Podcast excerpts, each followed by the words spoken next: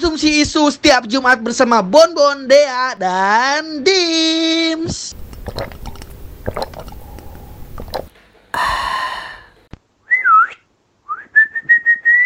Wih, cakep banget dah, emang paling cakep.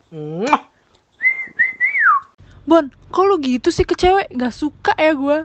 Iya bener kata dia, lu gak boleh kayak gitu Bon, karena itu termasuk catcalling. Ye, apaan sih lo berdua nih? Orang gua lagi godain burung piaraan gua. Ye, sewot.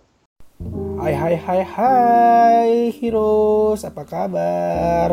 Balik lagi bersama Bon Bon, Dims, dan Dea di Infuse Meter. Nah, Heroes seperti biasa, drama di atas merupakan pokok bahasan yang akan kita bahas pada malam hari ini nih, yaitu tentang pelecehan seksual. Nah, pelecehan seksual itu apa sih? Jadi, pelecehan seksual ini menurut Wikipedia adalah perilaku pendekatan-pendekatan yang terkait dengan seks yang tak diinginkan, termasuk permintaan untuk melakukan seks dan perilaku lainnya secara verbal ataupun fisik merujuk pada seks. Jadi, kalau menurut Bonbon ya, eh, pelecehan seksual itu salah satunya adalah di masyarakat nih ya sekarang yang sedang hangat diperbincangkan tentang pelecehan seksual itu salah satunya tuh ini heroes catcalling ya catcalling.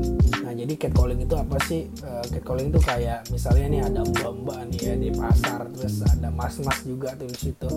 Terus mas-masnya itu goda-godain mbak-mbaknya tuh disuil-suilin lah dipanggil-panggil ya kan digoda-godain. Nah, namanya catcalling. Cuma ini kan pendapat bon-bon aja nih Heroes.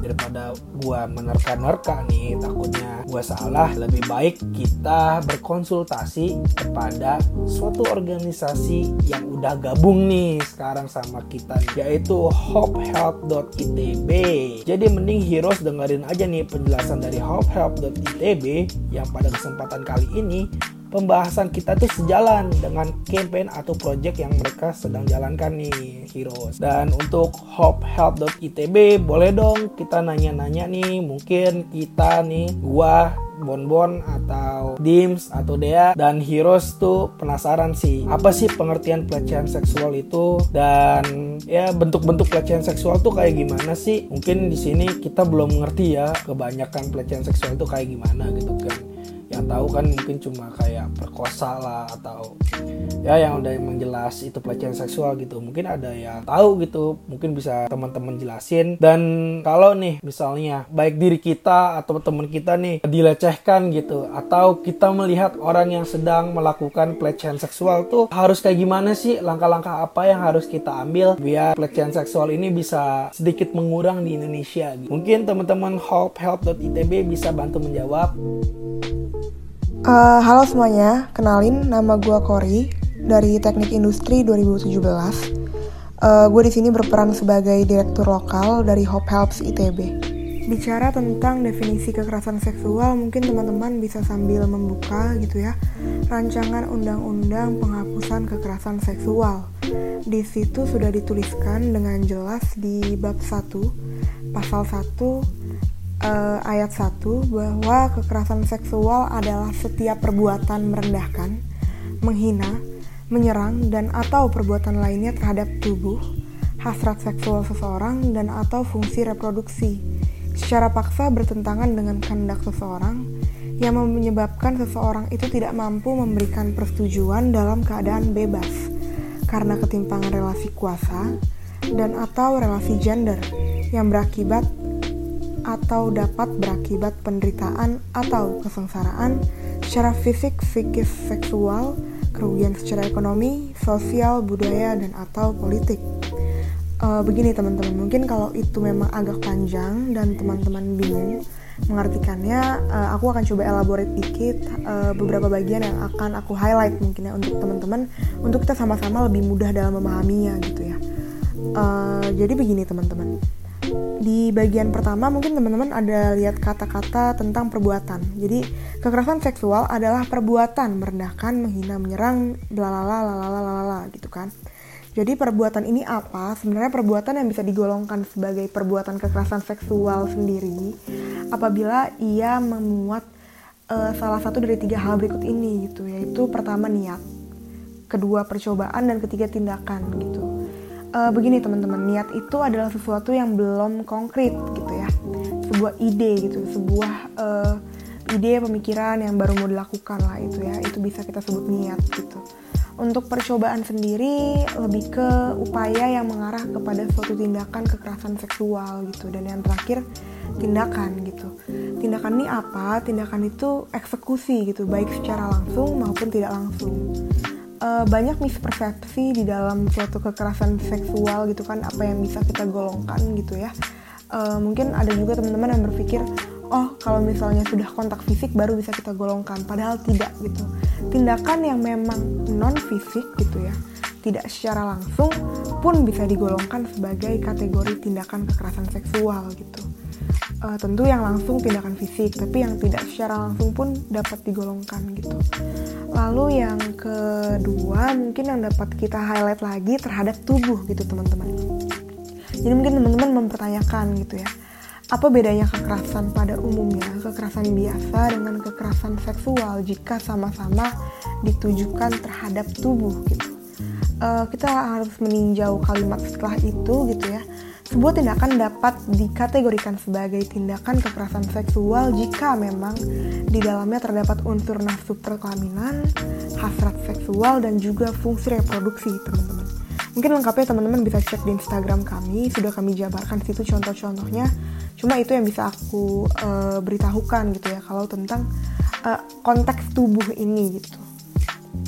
Bagian yang paling krusial menurut aku untuk dipahami ini adalah konsep tentang konsen gitu eh, lagi-lagi di definisi ini ada ada bagian yang menyebutkan secara paksa bertentangan dengan kehendak gitu teman-teman. Artinya di sini tidak ada konsen gitu. Karena konsen itu adalah sebuah uh, aku bisa sebut mungkin konsen itu persetujuan dari kita gitu ya dalam menyetujui keterlibatan kita gitu dalam suatu situasi atau aktivitas-aktivitas seksual gitu teman-teman ya. Kalau misalnya aku cari-cari di internet gitu ya. Gimana definisi konsen yang baku mungkin itu bisa aku sampaikan ke teman-teman gitu. Cuma sebenarnya konsen ini lebih ke apakah teman-teman setuju gitu berada di aktivitas atau situasi seksual tersebut gitu. Mungkin kalau teman-teman masih bingung ada tiga hal yang bisa diidentifikasi tentang konsen ini teman-teman. Yang pertama adalah konsen ini bersifat reversible. Kalau teman-teman sudah menyetujui gitu ya teman-teman sudah menyetujui tindakan seksual tertentu dan sebelum tindakan seksual itu dilakukan teman-teman tiba-tiba berubah pikiran it's free for you to choose to not do that gitu. Maksudnya adalah sifatnya reversible gitu. Bisa bisa kembali iya bisa kembali tidak. Maksudnya nggak saklek. Kalau teman-teman bilang iya tiba-tiba teman-teman berubah pikiran oke okay, gitu. Kayak teman-teman nggak berdaya nggak nggak seperti itu konsep konsen ini gitu. Lalu yang kedua konsen ini bersifat antusi antusiastik gitu. Antusiastik maksudnya adalah uh, ini punya syarat gitu ya teman-teman. Ketika teman-teman ingin melakukan aktivitas seksual tertentu yang memang teman-teman uh, punya boundaries tertentu syarat-syarat tertentu dalam melakukannya uh, teman-teman boleh sertakan dalam konsen teman-teman itu gitu. Dan yang terakhir mungkin aku bisa bilang konsen ini adalah bentuknya spesifik teman-teman. Mungkin bisa untuk lebih menjelaskannya spesifik ke tindakan satu tindakan tertentu gitu. Jadi one act equals one consent gitu. Ketika memang teman-teman menyetujui untuk melakukan tindakan seksual A uh, ketika yang dilakukan oleh orang lain kepada teman-teman itu sampai B itu sudah melanggar konsen teman-teman gitu. Tidak ada asumsi dalam konsen gitu. Ketika teman-teman bilang boundaries teman-teman hanya sampai di A dan ada orang lain yang mengatasnamakan konsen teman-teman itu dan melakukan sampai B gitu teman-teman berhak gitu untuk menyatakan itu sebagai perbuatan kekerasan seksual karena tidak ada konsen di dalamnya gitu yang jelas gitu. Karena jelas-jelas teman-teman udah bilang A tapi si pelaku ini uh, sampai B gitu. Kan uh, mungkin teman-teman juga bertanya-tanya gitu ya. Jadi bentuk-bentuk kekerasan seksual ini apa aja gitu? Karena memang kan uh, selama ini banyak kesimpang siuran gitu di dalam masyarakat kita gitu. Terutama tentang bentuk-bentuk kekerasan seksual ini sebenarnya apa gitu. Uh, berdasarkan 15 bentuk kekerasan seksual yang memang dirumuskan oleh Komnas Perempuan uh, ada beberapa bentuk memang yang bisa aku jabarkan di sini gitu ya. Yang pertama adalah perbudakan seksual gitu. Lalu ada pemaksaan perkawinan, pemaksaan kehamilan, perkosaan, intimidasi seksual, termasuk ancaman atau percobaan perkosaan, pelecehan seksual, eksploitasi seksual, perdagangan perempuan untuk tujuan seksual, prostitusi paksa, pemaksaan aborsi, pemaksaan kontrasepsi dan sterilisasi, penyiksaan seksual, penghukuman tidak manusiawi dan bernuansa seksual, praktik tradisi bernuansa seksual yang membahayakan atau mendiskriminasi perempuan, dan kontrol seksual yang terakhir. Mungkin lengkapnya dapat uh, dicek juga di internet atau di Instagram hopehelps.itb juga kami telah menjabarkan definisinya dalam 15 bentuk kekerasan seksual berdasarkan uh, yang dirumuskan oleh Komnas Perempuan. Uh, cuma mungkin aku ingin uh, sedikit memberi insight aja gitu kan yang selama ini kita mungkin miss out atau agak bingung dikit adalah apa sih bedanya kekerasan dan pelecehan seksual gitu. Jadi kalau misalnya aku bisa menjelaskan sedikit, tadi yang seperti teman-teman dengar juga bahwa pelecehan seksual itu adalah salah satu bentuk dari kekerasan seksual gitu. Kalau by definition, pelecehan seksual itu adalah tindakan seksual lewat sentuhan fisik maupun non fisik dengan sasaran organ seksual atau seksualitas korban gitu. Uh, sering kali banyak dari kita menganggap oh iya kalau misalnya cuma catcalling gitu atau cuma perbuatan yang memang tadi itu eksekusinya belum secara fisik gitu ya non fisik itu it's okay kok itu bukan kegiatan pelecehan seksual gitu uh, cuma itu harus di uh, dirubah gitu mindset seperti itu karena merujuk lagi ke kekerasan seksual tadi definisinya apa gitu. Ketika teman-teman di situ nggak ada konsen gitu ya teman-teman di situ juga pokoknya intinya teman-teman tidak menyetujui itu bertentangan dengan kehendak teman-teman terlebih lagi itu menghasilkan uh, akibat-akibat gitu ya bagi teman-teman yang secara tidak langsung atau secara langsung akibat-akibat itu menyebabkan kerugian secara fisik, psikis, seksual yang tadi ya ekonomi, sosial, budaya dan politik itu um, itu bisa dikategorikan sebagai kekerasan seksual gitu. Jadi mungkin yang selama ini salah kaprah gitu ya kan kita selama ini uh, menyamakan gitu kan kekerasan dan pelecehan gitu padahal pelecehan itu adalah salah satu bentuk dari kekerasan gitu dan pelecehan ini uh, ternyata hal-hal yang banyak dinormalisasi oleh lingkungan kita sekarang itu ternyata tergolong loh gitu loh ke dalam bentuk pelecehan seksual gitu. Jadi itu yang mungkin jadi PR kita bersama dan harus kita tanggulangi bersama gitu. Bagaimana caranya kita dapat mengedukasi diri kita untuk ya sedikit banyak belajar lah gitu sedikit sedikit belajar gitu ya. Uh, bagaimana definisi pelecehan ini bagaimana definisi kekerasan ini. Karena sering kali seorang korban kekerasan seksual bahkan tidak tahu kalau dirinya adalah korban gitu. Atau bahkan seorang pelaku gitu. Uh, pelaku terutama ya ke kegiatan-kegiatan atau tindakan pelecehan seksual yang yang sering kali dinormalisasi gitu di lingkungan kita gitu. Uh, sering kali ya memang belum cukup banyak dipahami lah gitu. Jadi mari kita sama-sama berbenah gitu ya untuk menciptakan lingkungan yang memang bebas dari kekerasan seksual gitu. Terutama uh, karena kami dari Hope Health ITB sendiri gitu ya terutama kami mengusahakan supaya ya kampus kita bisa terbebas gitu dari segala bentuk apa pun kekerasan seksual gitu. Karena lagi-lagi kita adalah insan akademik gitu ya. Kita diberikan pembelajaran kita diberikan uh, apa ya ilmu-ilmu gitu ya yang sangat berharga tentunya akan sangat sedih jika akhlak kita tidak mencerminkan ilmu yang kita dapatkan gitu. Uh, terutama dalam konteks kekerasan seksual ini gitu.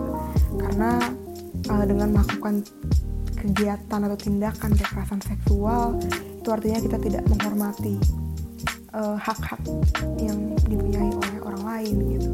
Dan rasanya sebagai individu yang terpelajar, individu yang uh, berakademik gitu ya, uh, sangat sedih gitu kalau hal-hal seperti ini masih masih terjadi gitu di lingkungan sekitar kita, terutama di kampus. Gitu. Apa yang seharusnya kita lakukan jika kita mendapat tindakan kekerasan seksual dan adalah seorang korban? Atau mungkin teman-teman di sini yang mendengarkan podcast ini mempunyai seorang teman yang ternyata adalah seorang korban kekerasan seksual gitu. Apa yang sebaiknya harus kita lakukan bersama gitu. Uh, dikutip dari studi yang dilakukan oleh MAPPI FHUI, mereka telah mengelompokkan uh, aktivitas atau langkah yang sebaiknya ditempuh jika memang teman-teman uh, yang mendengarkan adalah seorang korban.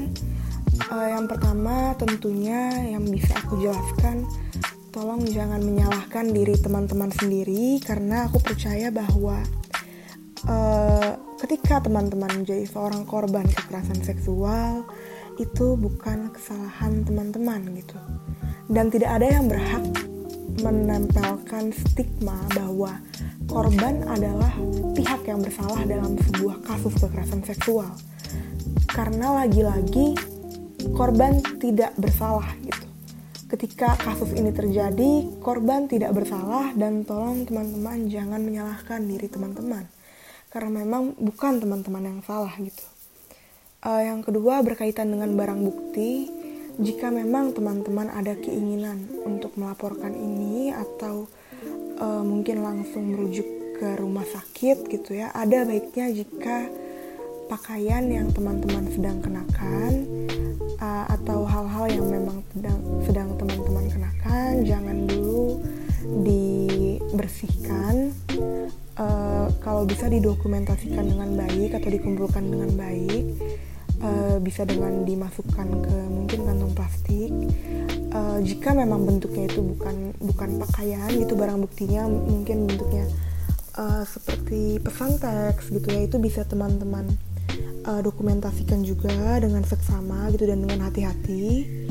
Uh, lalu teman-teman bisa kumpulkan bukti-bukti yang relevan gitu ya uh, dan yang paling penting adalah teman-teman uh, jika menjadi seorang korban kekerasan seksual lebih baik jika teman-teman merujuk laporan teman-teman entah pada lembaga yang memang menyediakan pelayanan cepat tanggap seperti kami atau kalau teman-teman mau langsung mendapat pelayanan psikologis ke yayasan-yayasan yang memang menyediakan layanan psikologis seperti di Bandung ada Yayasan Jari kalau teman-teman ingin mendapatkan bantuan hukum teman-teman bisa ke lembaga yang menyediakan bantuan hukum seperti di Bandung juga ada LBH Bandung.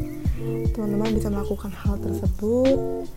Uh, tapi yang paling penting adalah teman-teman berhak menentukan pilihan yang ingin teman-teman tentukan gitu.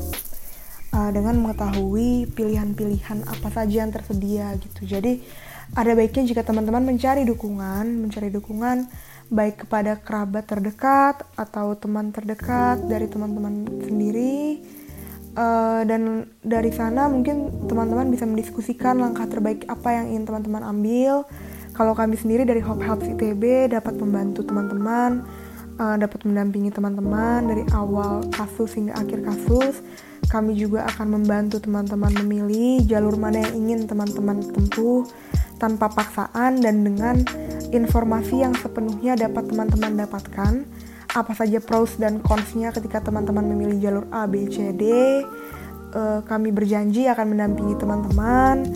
Kami tidak akan membiarkan teman-teman sendiri uh, dan kami tidak akan membiarkan teman-teman mendapat apa ya ibaratnya teman-teman keberatan sendiri atau kesusahan sendiri karena teman-teman choose to speak up gitu karena kami percaya ketika teman-teman sudah speak up itu adalah langkah yang yang uh, besar langkah yang uh, ibaratnya mengambil porsi yang berat pasti dalam kehidupan teman-teman gitu. Jadi kami sangat mengapresiasi kami sangat menghargai jika teman-teman mengambil langkah untuk berbicara gitu ya. Walaupun bukan kepada publik luas gitu ya.